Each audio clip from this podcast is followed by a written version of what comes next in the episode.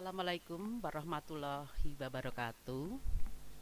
Selamat pagi kepada anak-anakku semua. Semoga kalian sehat semuanya dan sudah siap untuk mengikuti pembelajaran lewat radio. Untuk mengawali pertemuan kali ini, eh, baiklah kita berdoa dulu memohon kepada Allah agar diberi kemudahan, kelancaran saat pembelajaran dari awal sampai akhir. Berdoa kita mulai.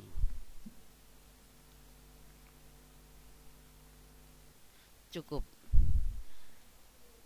Anak-anak hari ini sesuai jadwal yaitu mapel sejarah Indonesia dengan materi dampak perkembangan kolonialisme dan imperialisme.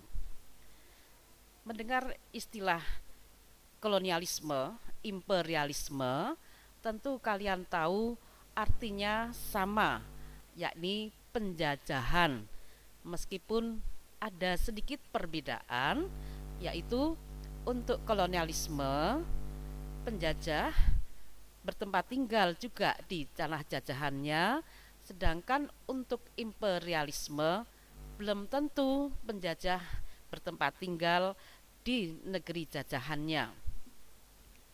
Sejarah Indonesia kalau membahas penjajahan tentu kalian akan juga teringat pelajaran waktu di SD mungkin ya sampai ke SMP yang terbayang, yang terkenang di pikiran kalian adalah penjajahan di Indonesia yang sangat lama oleh bangsa asing, khususnya Belanda, selama tiga setengah abad atau 350 tahun.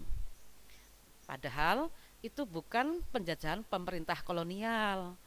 Jadi dari tahun 1602 sampai 1799 Nusantara atau Indonesia ini dikuasai oleh sebuah kongsi dagang yakni VOC atau Fir Ihdodo Ost Indies Company sebuah kongsi dagang yang bisa begitu lama ini berarti kan hebat sekali. Mengapa sampai bisa demikian tentu juga kalian ingat bahwa VOC diberi berbagai macam hak istimewa hingga bukan lebih sebagai kongsi dagang tapi lebih merupakan sebuah negara atau negara di dalam negara. Bangsa asing yang pernah berkuasa di Indonesia, mungkin Anda bisa menyebutkan satu Portugis, dua Belanda, kemudian Inggris, lalu kembali lagi ke Belanda. Akhirnya Jepang untuk yang terakhir kali. Andai kata tidak ada perjanjian Saragoza, barangkali juga penguasa di Nusantara ini tambah satu, yakni Spanyol. Untungnya Paus bertindak tegas dalam perjanjian Saragoza Paus mengharuskan Spanyol harus meninggalkan wilayah seribu pulau atau kepulauan Maluku. Karena sebelum itu sudah ada perundingan yang membagi wilayah dunia ini untuk dua bangsa yakni Portugis dan Spanyol di mana dari Cape Verde ke arah barat itu dikuasai oleh Spanyol, dari Cape Verde ke arah timur untuk penjelajah Portugis. Kebetulan Portugis sudah lebih dulu tinggal di Maluku. Datanglah Spanyol, mau tidak mau Portugis tidak terima dan harus mengusir Spanyol dari wilayah Maluku. Uh, kita mulai juga sekarang dengan penjajahan pemerintah kolonial Belanda yang mulai tahun 1800-an. Sebenarnya orangnya sama, hanya bajunya yang berbeda.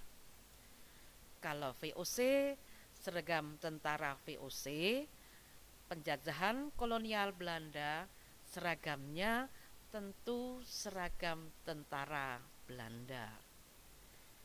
Awal penjajahan kolonial Belanda, kita tidak pernah lupa dengan gubernur jenderal yang terkenal keras, yaitu Herman Willem Daendels.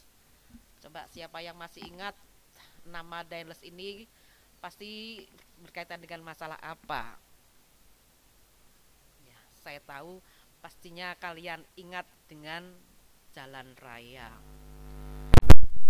Ya dia e, bisa berjalan dengan e, penguasaannya bisa berjalan lancar, maka wilayah Jawa dia bagi menjadi sembilan prefektur dan 30 regenskap. 9 prefektur atau kalau nanti di zaman Raffles akan disebut dengan karesidenan. Setiap prefektur dipimpin oleh prefect yang diambil dari bangsa Eropa khususnya Belanda. Sedangkan wilayah Regenskap atau kabupaten dipimpin oleh seorang regen atau bupati. Bupati ini pega, uh, seorang pri, uh, maaf ya diambil dari si bangsa pribumi dan kelak mereka diangkat sebagai pemerintah uh, pegawai pemerintah kolonial Belanda digaji oleh pemerintah resikonya sebagai imbal baliknya. Bupati harus menunjukkan sikap yang sangat loyal kepada Belanda. Ya. Di samping eh, pembagian wilayah, kemudian mengangkat bupati, pemerintah Belanda banyak melakukan tindakan untuk memperluas dan memperkuat kekuasaannya dengan strategi yang pertama adalah divide and impera. Divide et impera. Yang berasal dari bahasa Latin artinya dipisah dan dikuasai.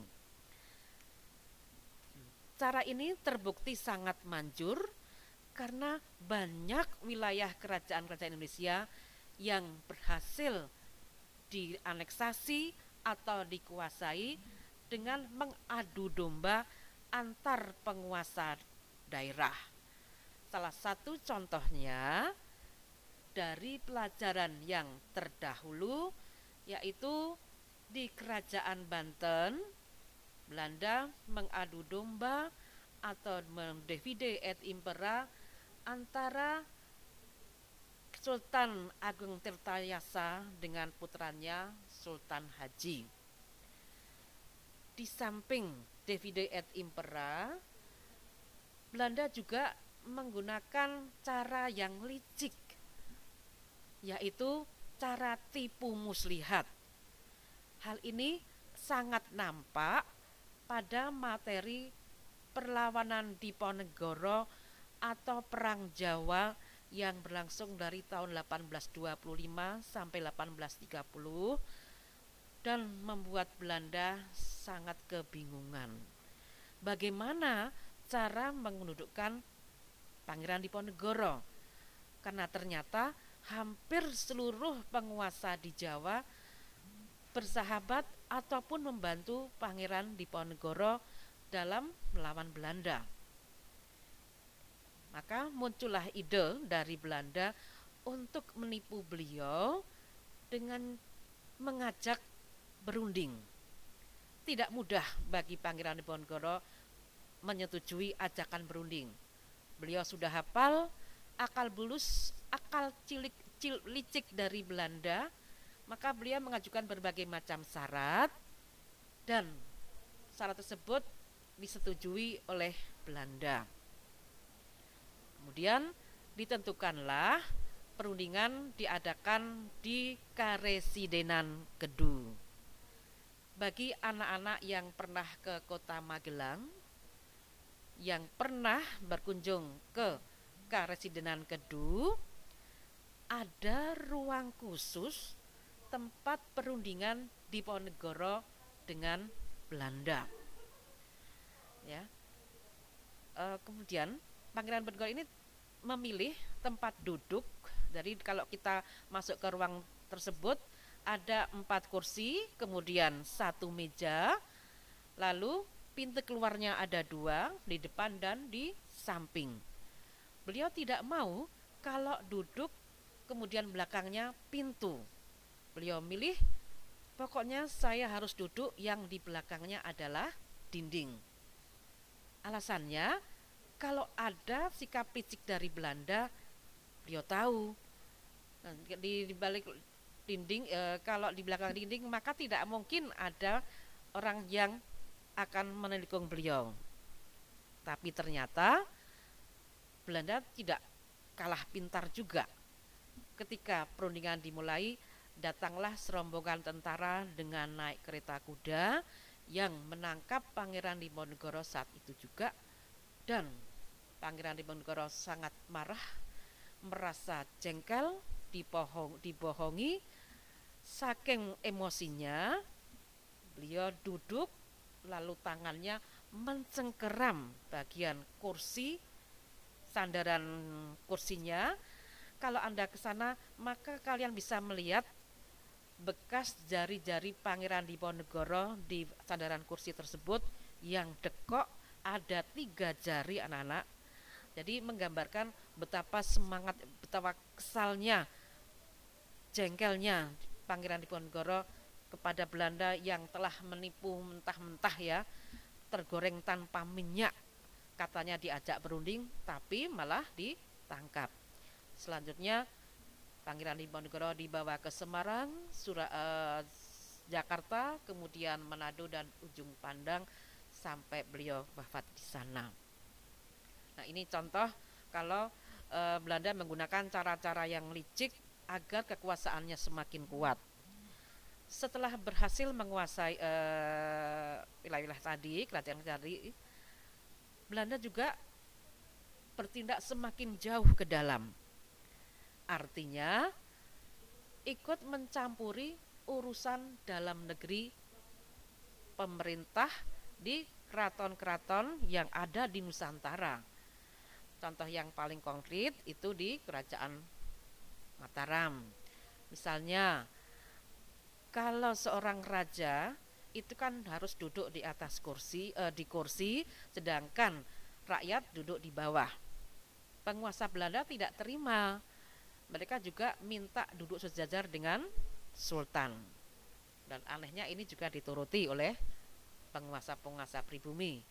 Kemudian minta juga kalau datang mereka dipayungi layaknya seorang raja. Ini hal yang aneh. Mereka bangsa asing, tapi menganggap dirinya sebagai raja di negeri jajahannya. Ya.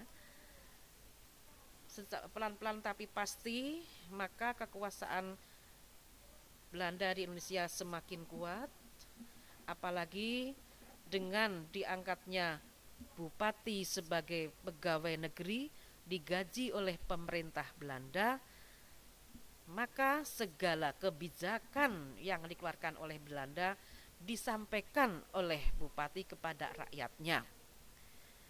Dengan mudah peraturan-peraturan tadi, kebijakan-kebijakan tadi dipenuhi oleh rakyat mengingat rakyat Indonesia itu kalau melihat ke atas maksudnya rajanya sudah tunduk, rakyat pun ikut. Ya. Jadi perlahan tapi pasti kekuasaan Belanda semakin kuat. Kemudian lagi ketika Inggris berkuasa, Raffles juga menggunakan cara yang hampir sama dengan Belanda.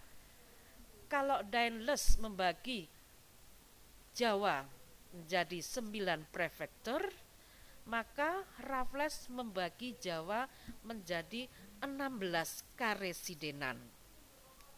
Setiap karesidenan dipimpin oleh seorang residen, dibantu oleh asisten residen. Kemudian bupati juga tetap diangkat sebagai pegawai negeri. Ya. Raffles menginginkan sistem pemerintahan tradisional perlahan-lahan diganti dengan sistem yang modern. Tidak lagi pemerintahan berdasarkan keturunan, tetapi dipilih oleh pemerintah yang berkuasa saat itu. Ini berarti semakin sempitlah para penguasa pribumi dalam menguasai wilayahnya sendiri, karena bupat eh, setiap residen itu diberi tugas untuk memperketat pengawasan dan keuangan. Ya, mereka tidak mau ada bupati yang korupsi. Tidak mau ada bupati yang memperkaya diri. Semuanya harus diketahui segala tindakan bupati harus diawasi diketahui oleh residen melalui asisten residennya satu demi satu wilayah Indonesia Nusantara bisa dikuasai oleh Belanda dan akhirnya seluruh wilayah Nusantara ini masuk ke wilayah kekuasaan pemerintah kolonial Hindia Belanda secara resmi secara keseluruhan terjadi tahun 1905 yang dikenal dengan Pak Nirlandika. Tentunya Wilayah inilah yang kemudian menjadi wilayah kekuasaan Republik Indonesia atau negara Kesatuan Republik Indonesia sampai sekarang. Kalau kalian tanya, mengapa tidak semua wilayah itu masuk ke wilayah Indonesia? Ya, itu sudah ada perjanjian antara Inggris dan Belanda, baik di Kalimantan maupun di Papua itu sudah ada perundingan terlebih dahulu. Jadi ini menandakan kesombongan bangsa-bangsa asing anak-anak. Mereka dengan seenaknya sendiri membagi wilayah bangsa lain dalam kekuasaan mereka sendiri. Satu pulau akhirnya kita melihat ada dua penguasa ya. Kemudian eh, Kalimantan tidak semuanya menjadi wilayah Indonesia tapi menjadi bagian dari Malaysia. Demikian pula dengan Papua karena sudah ada perundingan terlebih dahulu antara Inggris dan Belanda hingga bagian timurnya bukan milik Republik Indonesia. Jadi ini dampak dari bidang politik. Nah, selanjutnya Ibu lanjutkan dengan dampak perkembangan kolonialisme di bidang ekonomi.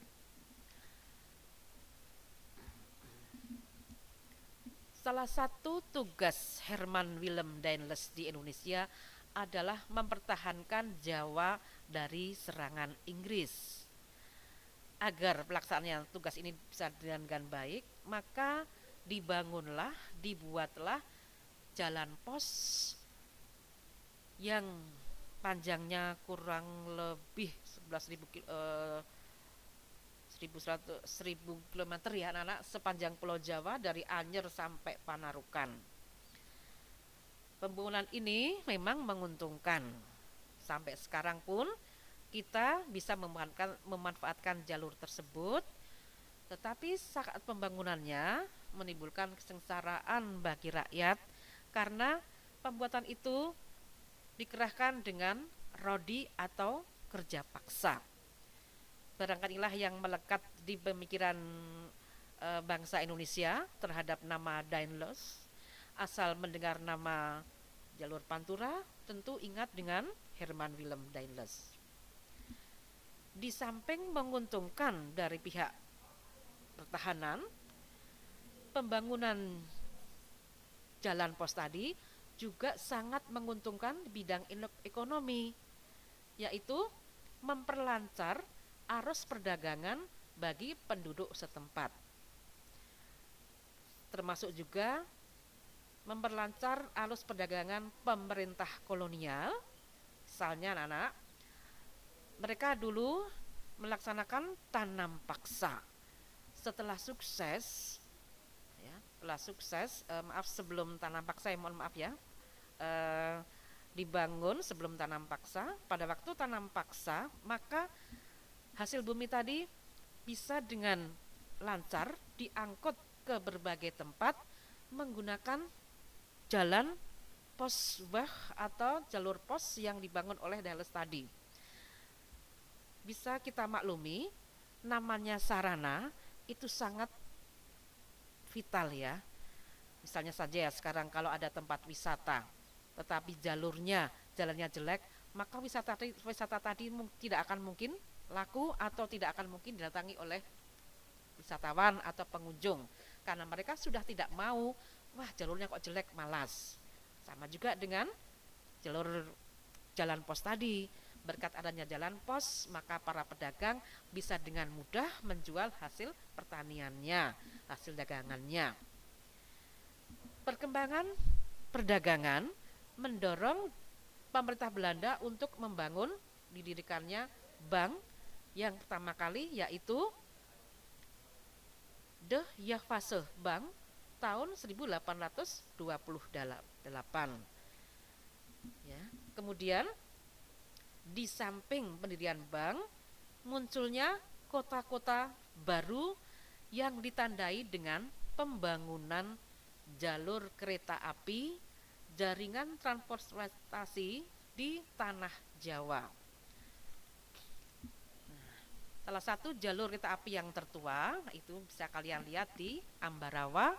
Di sana pun ada museum kereta api.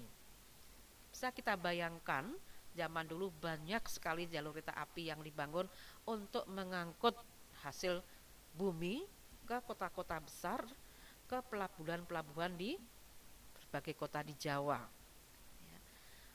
Pembangunan jalur kereta api tidak hanya di Jawa tapi juga di Sumatera. Hanya sedikit ada alasan berbeda. Kalau di Jawa pembangunan sepenuhnya untuk kepentingan ekonomi, ya ada juga kepentingan pertahanannya, tapi lebih diutamakan untuk kepentingan ekonomi. Mengingat di tanah Jawa melimpah hasil buminya, banyak perkebunan. Kemudian di Sumatera, di samping untuk uh, pembangunan jalur kereta api di samping untuk mm, mengangkut hasil bumi juga untuk pertahanan. Karena antara daerah satu dengan daerah lainnya di Sumatera itu cukup jauh dan memerlukan uh, dan memerlukan transportasi yang besar angkut daya angkutnya banyak dan cepat setelah pembangunan kereta api, kemudian dibangunlah sarana komunikasi, yaitu dibangunlah eh, kantor telepon dan telegraf. Ya, jadi untuk bidang ekonomi intinya adalah pembangunan dari jalan pos untuk memangkut hasil-hasil bumi dan perdagangan kemudian didirikan bank, munculnya kota-kota baru, dan satu lagi eh, munculnya pelabuhan-pelabuhan besar di Nusantara. Di antara pelabuhan-pelabuhan besar itu kalian bisa menyebutkan ya, di antara lain pelabuhan Semarang, kemudian Jakarta, Tanjung Priok, lalu Tanjung Perak di Surabaya, kemudian di kota Medan, Palembang, dan sebagainya. Sekarang Ibu lanjutkan bagaimana dampak kolonialisme imperialisme di bidang sosial budaya.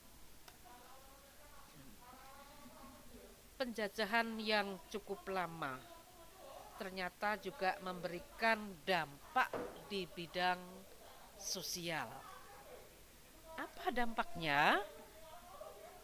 Karena mereka merasa bangsa yang besar, pintar, bisa menguasai Nusantara, bisa menguasai negara-negara lain, maka pemerintah Belanda mengadakan stratifikasi penduduk atau penggolongan penduduk.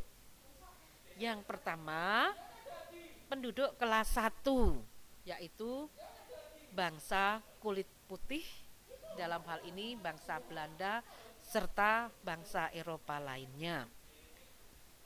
Kelas kedua adalah bangsa timur asing. Siapa yang dimaksud? Siapa yang dimaksud timur asing di sini?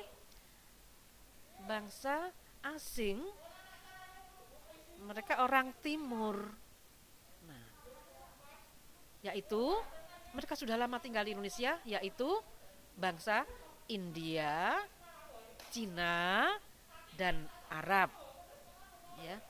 Jadi kelas kedua adalah bangsa asing, tapi itu semuanya diberi hak-hak istimewa, hampir sama dengan kelas 1. Dan yang terakhir adalah kelas 3 atau bangsa pribumi, bangsa Indonesia yang terdiri dari berbagai macam suku bangsa sangat menyakitkan. Kita penduduk asli tapi di nomor tiga kan. Ya. Apakah tidak ada yang protes? Tentu ada. Ya. Salah satunya tokoh agama, ya, tokoh agama yang pernah membeli tiket untuk naik kereta api kelas kalau sekarang kelas eksekutif setelah beliau membeli karcis, kemudian masuk ke gerbong kereta api eksekutif. Sayangnya oleh kondektur kemudian ditolak. Kartisnya dikembalikan, beliau harus masuk ke gerbong kelas ekonomi. Wah, marahnya ulama tersebut ini host Cokro Aminoto ya yang saya maksud adalah host Cokro Aminoto beliau marah Hindia untuk kami ini tanah airku. Mengapa aku harus dipindahkan di kelas 2 ya, kondektornya hanya bilang bahwa ini aturan bahwa pribumi tidak diizinkan duduk atau masuk di kelas eksekutif. Harus ada di kelas ekonomi. Ya, karena status mereka hanyalah penduduk bumi putra. Kulit putih mendapatkan hak-hak istimewa. Apa saja yang mereka butuhkan pasti mendapatkan fasilitas yang paling baik ataupun nomor satu. Sama juga dengan kelas kedua, bangsa Arab, India, Cina, Kenapa mereka diistimewakan juga? Kalian tahu, tiga bangsa ini dikenal sebagai bisnismen, usahawan-usahawan yang ulung. Apalagi Cina. Mohon maaf, memang bangsa ini dikenal sebagai pengusaha yang sukses di mana pun mereka berada. Jadi wajar kalau Belanda mengatakan, kalau Belanda itu mengatakan wajar saja bangsa Cina itu saya istimewakan karena mereka punya uang yang sangat banyak, banyak menyumbang kepada pemerintah Belanda. Ya. Betapa menyakitkannya penggolongan penduduk tadi ya, anak, betapa menyakitkan untuk bangsa Indonesia. Nah, pada waktu Raffles berkuasa di negara kita, Raffles ternyata memberikan sedikit perhatian memberikan perhatian khususnya untuk kebudayaan Jawa. Begitu senangnya, begitu tertariknya Raffles dengan Jawa hingga beliau menyempatkan untuk menulis History of Java sebanyak enam jilid. Ya. Mungkin orang lain nggak mampu anak-anak, tapi di sela-sela kesibukannya Raffles masih sempat untuk menulis buku-buku tadi yang bermanfaat sampai sekarang. Di samping uh, Raffles, istri beliau, Yohana, juga sangat perhatian kepada bumi Nusantara. Beliau sangat kagum dengan kesuburan tanah air Indonesia ini hingga punya ide untuk menanam berbagai jenis pohon tanaman di sebuah tempat di Bogor yang kini terkenal dengan kebun raya Bogor. Ya, jadi kalau kalian pernah berkunjung ke kebun raya Bogor, itu sebenarnya ide dari istri Thomas Stanford Raffles. Ya. Bahasan tentang Raffles mungkin sudah saya sampaikan pada uh, sebulan yang lalu. Ya. Satu lagi sekarang dampak di bidang pendidikan. Ya. Dampak di bidang pendidikan.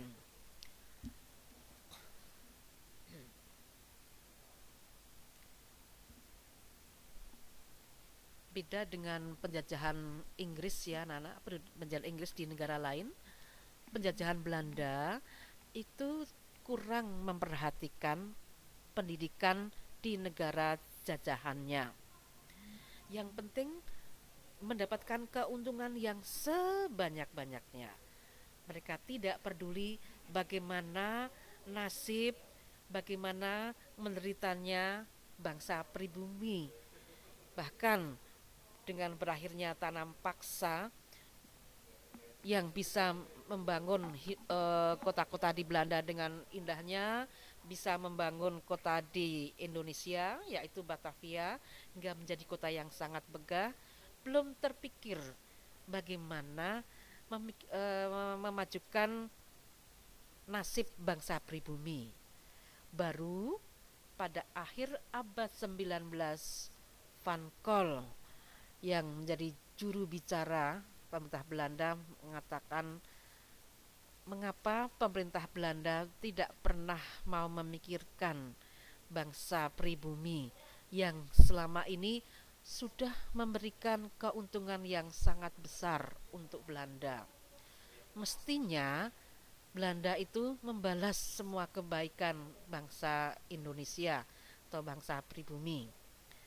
Jadi bagi bagi mereka inlander itu tidak ada gunanya, tidak penting.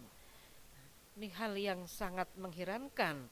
Ternyata ada juga bangsa Belanda yang mau uh, memikirkan kemajuan khususnya pendidikan bangsa pribumi. Pendapat dari Van Kol ini semakin nampak setelah Van de Venter menulis artikel hutang kehormatan atau dalam bahasa Belandanya een ereskuld ia mengajukan adanya politik balas budi yang terkenal dengan istilah trilogi van de Venter. Ya. Apa saja trilogi van de Venter tadi? Yang pertama adalah pendidikan. Kedua, irigasi. Yang ketiga, transmigrasi. Tulisan ini dibaca oleh bangsa Belanda baik di negeri Belanda maupun di Nusantara, di Hindia Belanda. Mohon maaf ya, di Hindia Belanda makin banyak orang yang kemudian berkomentar di surat kabar ataupun di majalah-majalah yang menyudutkan pemerintah Belanda. Akhirnya karena gerah sering dikritik oleh bangsanya sendiri, pemerintah kolonial Belanda mulai mau memikirkan sekolah untuk bangsa pribumi. Di awal abad 20 didirikanlah sekolah-sekolah yang cukup banyak. Sebenarnya sudah ada beberapa sekolah itu milik Belanda, tapi jumlahnya sedikit. Dengan adanya protes politik balas budi, maka diperbanyaklah sekolah-sekolah tadi hingga SD, sekolah dasar pun banyak macamnya. Ada SD dengan uh, sekolah dasar dengan nama ELS Europe Lager School sekolah dasar dengan pengantar bank bahasa Belanda dan untuk bangsa Eropa. Yang kedua, Holland Inlander School sekolah dasar untuk bangsa pribumi tapi menggunakan pengantar bahasa Belanda. Jadi tidak heran anak-anak lulusan SD, HIS pada zaman itu dalam usia 10 tahun, 12 tahun sudah sangat fasih berbahasa Belanda. Ya, ini ada contohnya ya. Guru pernah melihat ada seorang kakek-kakek yang lulusan SD tapi bahasa Belandanya lancar sekali. Ternyata di sekolahnya menggunakan bahasa pengantar bahasa Belanda. Bahkan kalau mereka berbicara, ngobrol dengan teman sebangku dilarang menggunakan bahasa daerah atau bahasa Jawa kalau di Jawa. Tetap menggunakan bahasa Belanda. Dari SD dan sekolah dasar itu Adakah sekolah dasar untuk anak-anak kelas ekonomi menengah ke bawah? Ada, yaitu sekolah kelas 1 atau juga ada lagi sekolah ongkoluru. Lama pendidikannya cukup dua tahun saja. Anak-anak sekolah ongkoluru sekedar bisa membaca dan menulis. Yang penting itu nah, pokoknya kalau sudah bisa membaca menulis, wah sudah lumayan. Enggak bakalan ditipu, tidak buta huruf, tahu membaca, tahu surat-surat penting. Ya, kalau orang tidak tahu baca tulis ditipu tidak akan tahu. Kalau itu surat penting, suruh tanda tangan, terus cap jempol, eh, maaf bukan tanda tangan ya, cap jempol, manut saja ternyata itu isinya sangat merugikan. Nah, merugikan diri per, dirinya sendiri ya anak-anak ya. Jadi betapa pentingnya melek huruf bisa membaca dan menulis. Ya. Bagi anak-anak yang sudah lulus HIS juga bisa bersekolah setingkat SMP atau mulu. Ya. Kemudian dari mulu bisa melanjutkan ke tingkat jenjang berikutnya yaitu Al Middle Bar School atau SMA zaman sekarang.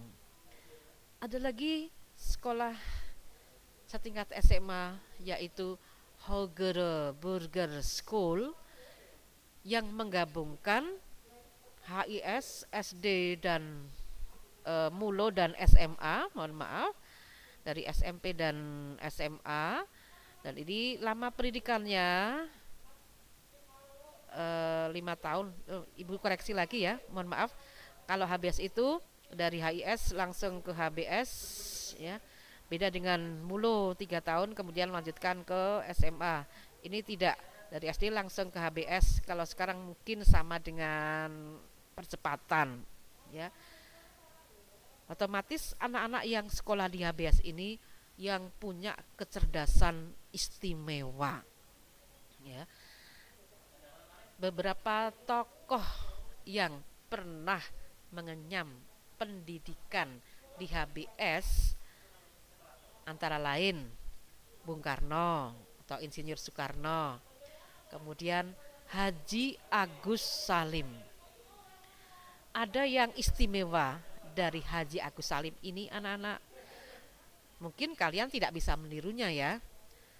Haji Agus Salim tercatat sebagai siswa berprestasi di HBS. Menjelang ujian, beliau sakit selama beberapa minggu. Nah, begitu sembuh, langsung mengikuti ujian di HBS. Dan ternyata beliau mendapatkan nilai yang tertinggi, mengalahkan teman-teman Eropanya. Ya, hampir tidak ada yang percaya. Tidak pernah masuk, e, jarang masuk karena sakit, bukan tidak pernah ya beberapa waktu lamanya tidak masuk tapi kok bisa menjadi juara ini berarti memang uh, intelektualnya sangat tinggi dan juga sudah diakui oleh dunia karena Haji Agus Salim ini di samping pandai secara akademis beliau fasih menggunakan bahasa asing sefasih bahasa ibunya. Jadi beliau pandai bahasa Inggris, bahasa Belanda otomatis ya, bahasa Jepang, bahasa Jerman dan sering menjadi wakil Indonesia di forum internasional PBB. Sebagai seorang pemimpin yang hebat, Haji Agus Salim itu ternyata juga berpenampilan sangat sederhana ya jauh dari kesan glamor. Beliau hidup apa adanya, semua kepandaiannya didharma baktikan untuk bangsa dan negara. Soal keluarga itu dinomor duakan. Yang penting semuanya demi kepentingan kemajuan bangsa dan negara Indonesia. Ini perlu dicontoh sikap yang seperti ini. Ibu lanjutkan lagi dengan macam-macam sekolah. Bagi siswa yang menginginkan menjadi guru, pemerintah Belanda pun mendirikan sekolah guru yaitu Quick School. Di Jogja masih ada ya eh, bekas Quick School yaitu sekarang jadi SMA 11. Bagaimana halnya dengan anak-anak yang sudah selesai AMS, HBS, kalau mereka ingin melanjutkan sekolah, Belanda juga sudah menyediakan Stovia, mendirikan sekolah kedokteran untuk Bumi Putra. Stovia yang ada di Jakarta, Samlemba, dan kelak menjadi cikal bakal Fakultas Kedokteran Universitas Indonesia. Stovia kepanjangan dari singkatan dari School Taught Obtainer for Inlander Adson atau sekolah dokter Bimut Piputra sekolah yang banyak menghasilkan tokoh-tokoh pergerakan. Sebut saja dokter Sutomo Cipto Mangun Kusumo dokter Gunawan dan sebagainya. Ya banyak sekali Eh, tokoh-tokoh yang tidak bisa saya sebutkan ya. Termasuk juga pendiri rumah sakit Sarjito yaitu Dr. Sarjito yang pernah mengenyam pendidikan di Stovia. Bagi anak-anak yang ingin melanjutkan memperdalam ilmu tekniknya, Belanda juga sudah mendirikan THS Teknik Haugere School di awal abad 20 yang sekarang menjadi Institut Teknologi Bandung. Salah satu alumninya yaitu Insinyur Soekarno dan kelak menjadi Presiden Republik Indonesia yang pertama. Sekarang setelah mereka anak-anak pribumi ini mengenyam menyelesaikan pendidikan ya dari bidang pendidikan apakah hasilnya sangat memuaskan bagi bangsa pribumi sebenarnya kurang begitu memuaskan anak-anak. Mengapa? Sekolah-sekolah didirikan pendidikan ditingkatkan, tetapi bagi bangsa pribumi setinggi-tingginya sekolah di tingkat lokal, kalau mereka sudah lulus nanti melamar bekerja di pemerintah hanya mendapatkan kedudukan sebagai clerk atau juru tulis. Jadi pendidikan ternyata ditujukan untuk melatih, mendidik tenaga kerja pribumi yang terampil dan digaji murah.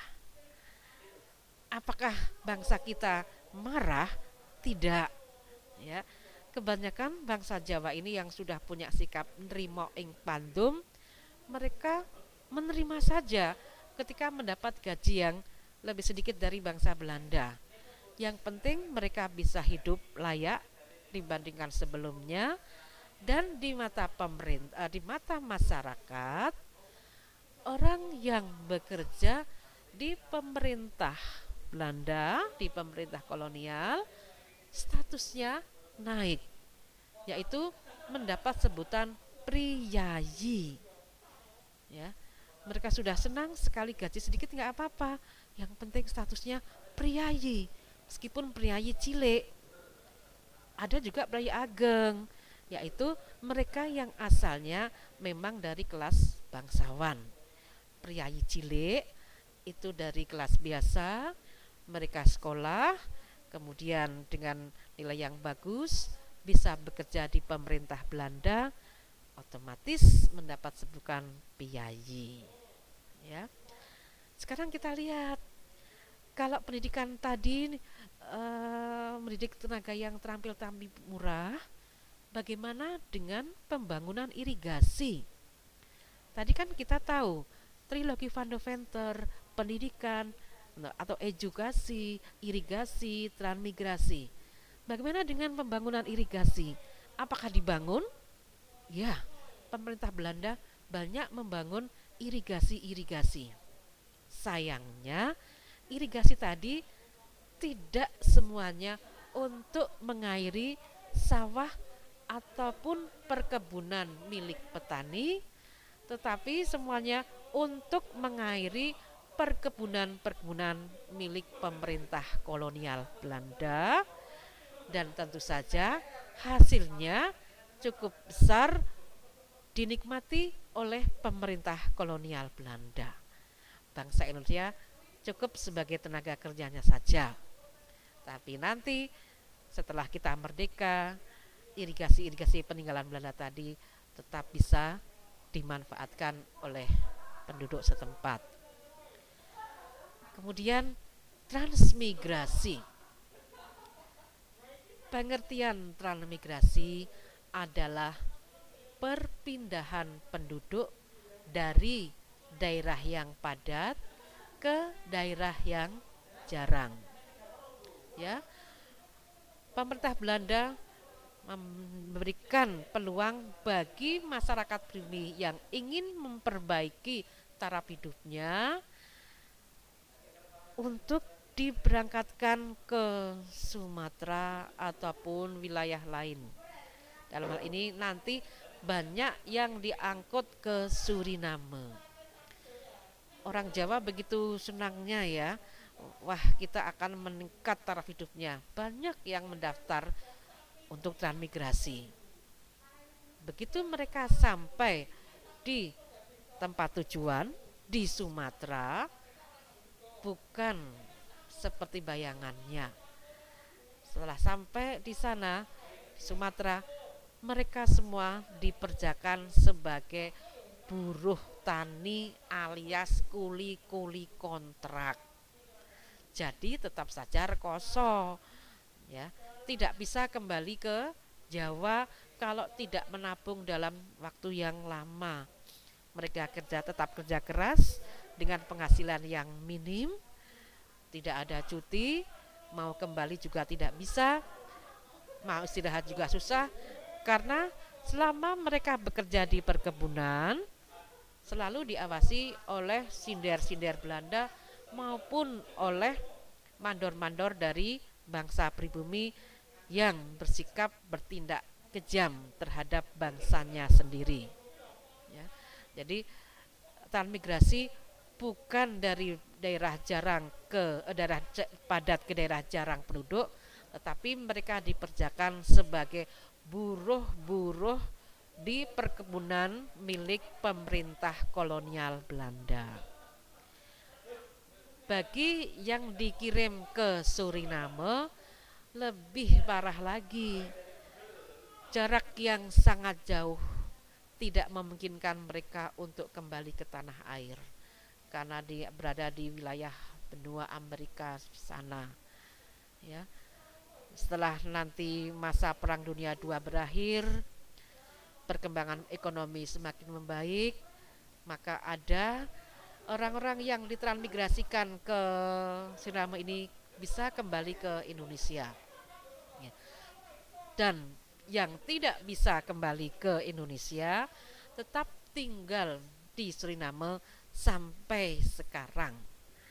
Jadi jangan kaget kalau nanti Anda atau kalian sampai ke Suriname ternyata masih ada eh, bahasa Jawa yang digunakan, ada orang Jawa yang tetap tinggal di sana menggunakan bahasa Jawa yang mohon maaf bahasa Jawanya tidak halus ya anak-anak ya.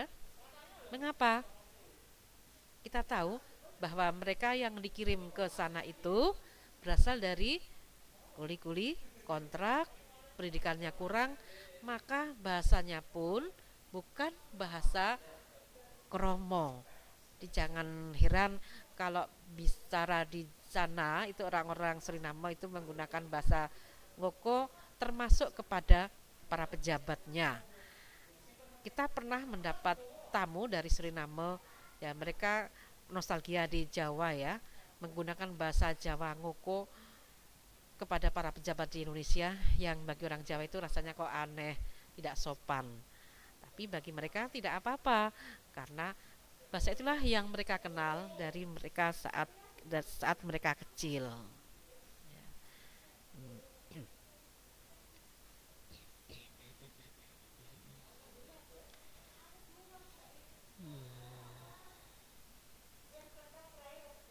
Coba adakah di antara kalian yang ingin bertanya? Bagi yang ingin bertanya, boleh kalian tanya kepada Bu Guru lewat Japri ya, anak-anak ya. Uh, saya kira untuk dampak perkembangan kolonialisme, imperialisme, Ibu cukupkan sekian dulu. Mungkin kalian mau bertanya atau kurang jelas dengan materi yang ada baik yang Ibu sampaikan maupun yang ada di buku paket. Ya Anda boleh bertanya ya. Tadi sekali lagi boleh menanyakan. Tapi sebelum saya tutup ya untuk masalah pendidikan memang pada zaman Belanda yang bisa sekolah itu hanya golongan atas, hanya golongan bangsawan saja. Bisa sekolah sampai SMA itu mimpi ya bagi anak-anak kelas bawah. Ya. Bagi e, bagi orang-orang kaya nggak masalah, tapi bagi orang biasa, wah itu berat sekali bisa sampai ke SMA. Ya.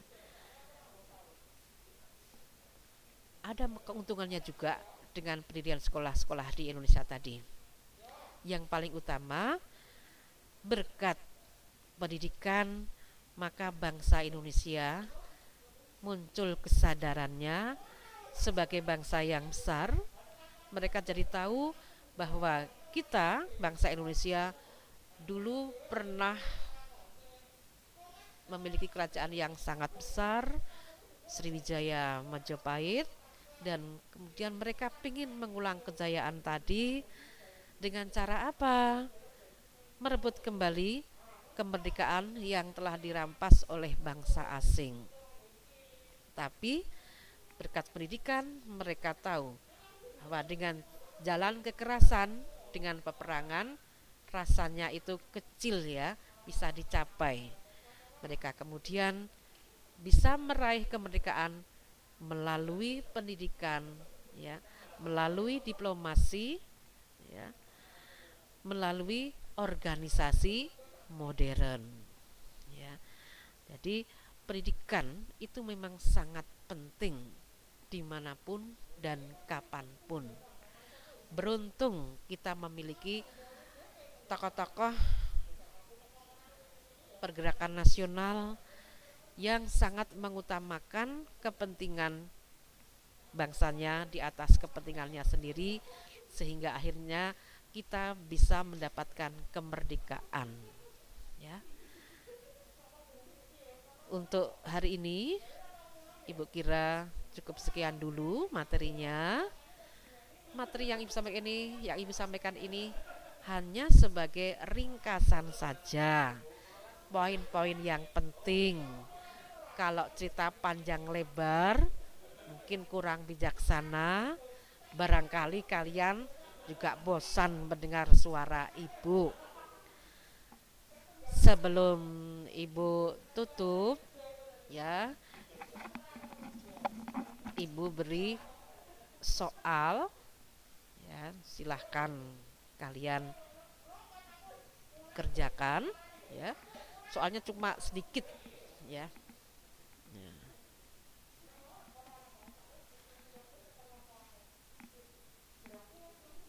sebutkan atau tuliskan sekolah-sekolah yang dibangun pada masa penjajahan kolonial Belanda yang sampai sekarang masih ada terutama di kota tempat tinggalmu. Ya.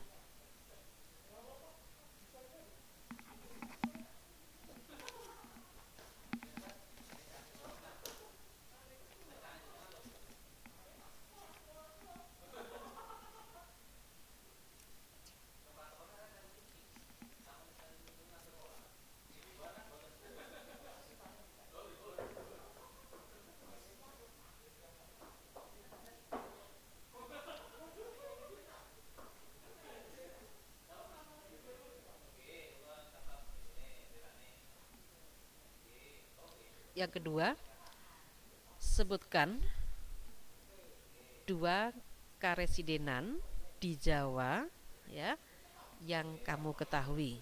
Itu kan ada 16 karesidenan. Coba sebutkan dua saja yang dulu merupakan karesidenan. Ya. Cukup itu dulu anak-anak. Ini sebagai pertemuan awal saya dengan kalian. Semoga apa yang Ibu sampaikan ini bisa kalian pahami dengan mudah dan bermanfaat bagi pengetahuan sejarah kalian. Sebelum Ibu akhiri, saya ucapkan dulu Assalamualaikum warahmatullahi wabarakatuh dan tetap jaga kondisi kalian agar selalu sehat selalu bisa mengikuti pelajaran dari awal sampai akhir.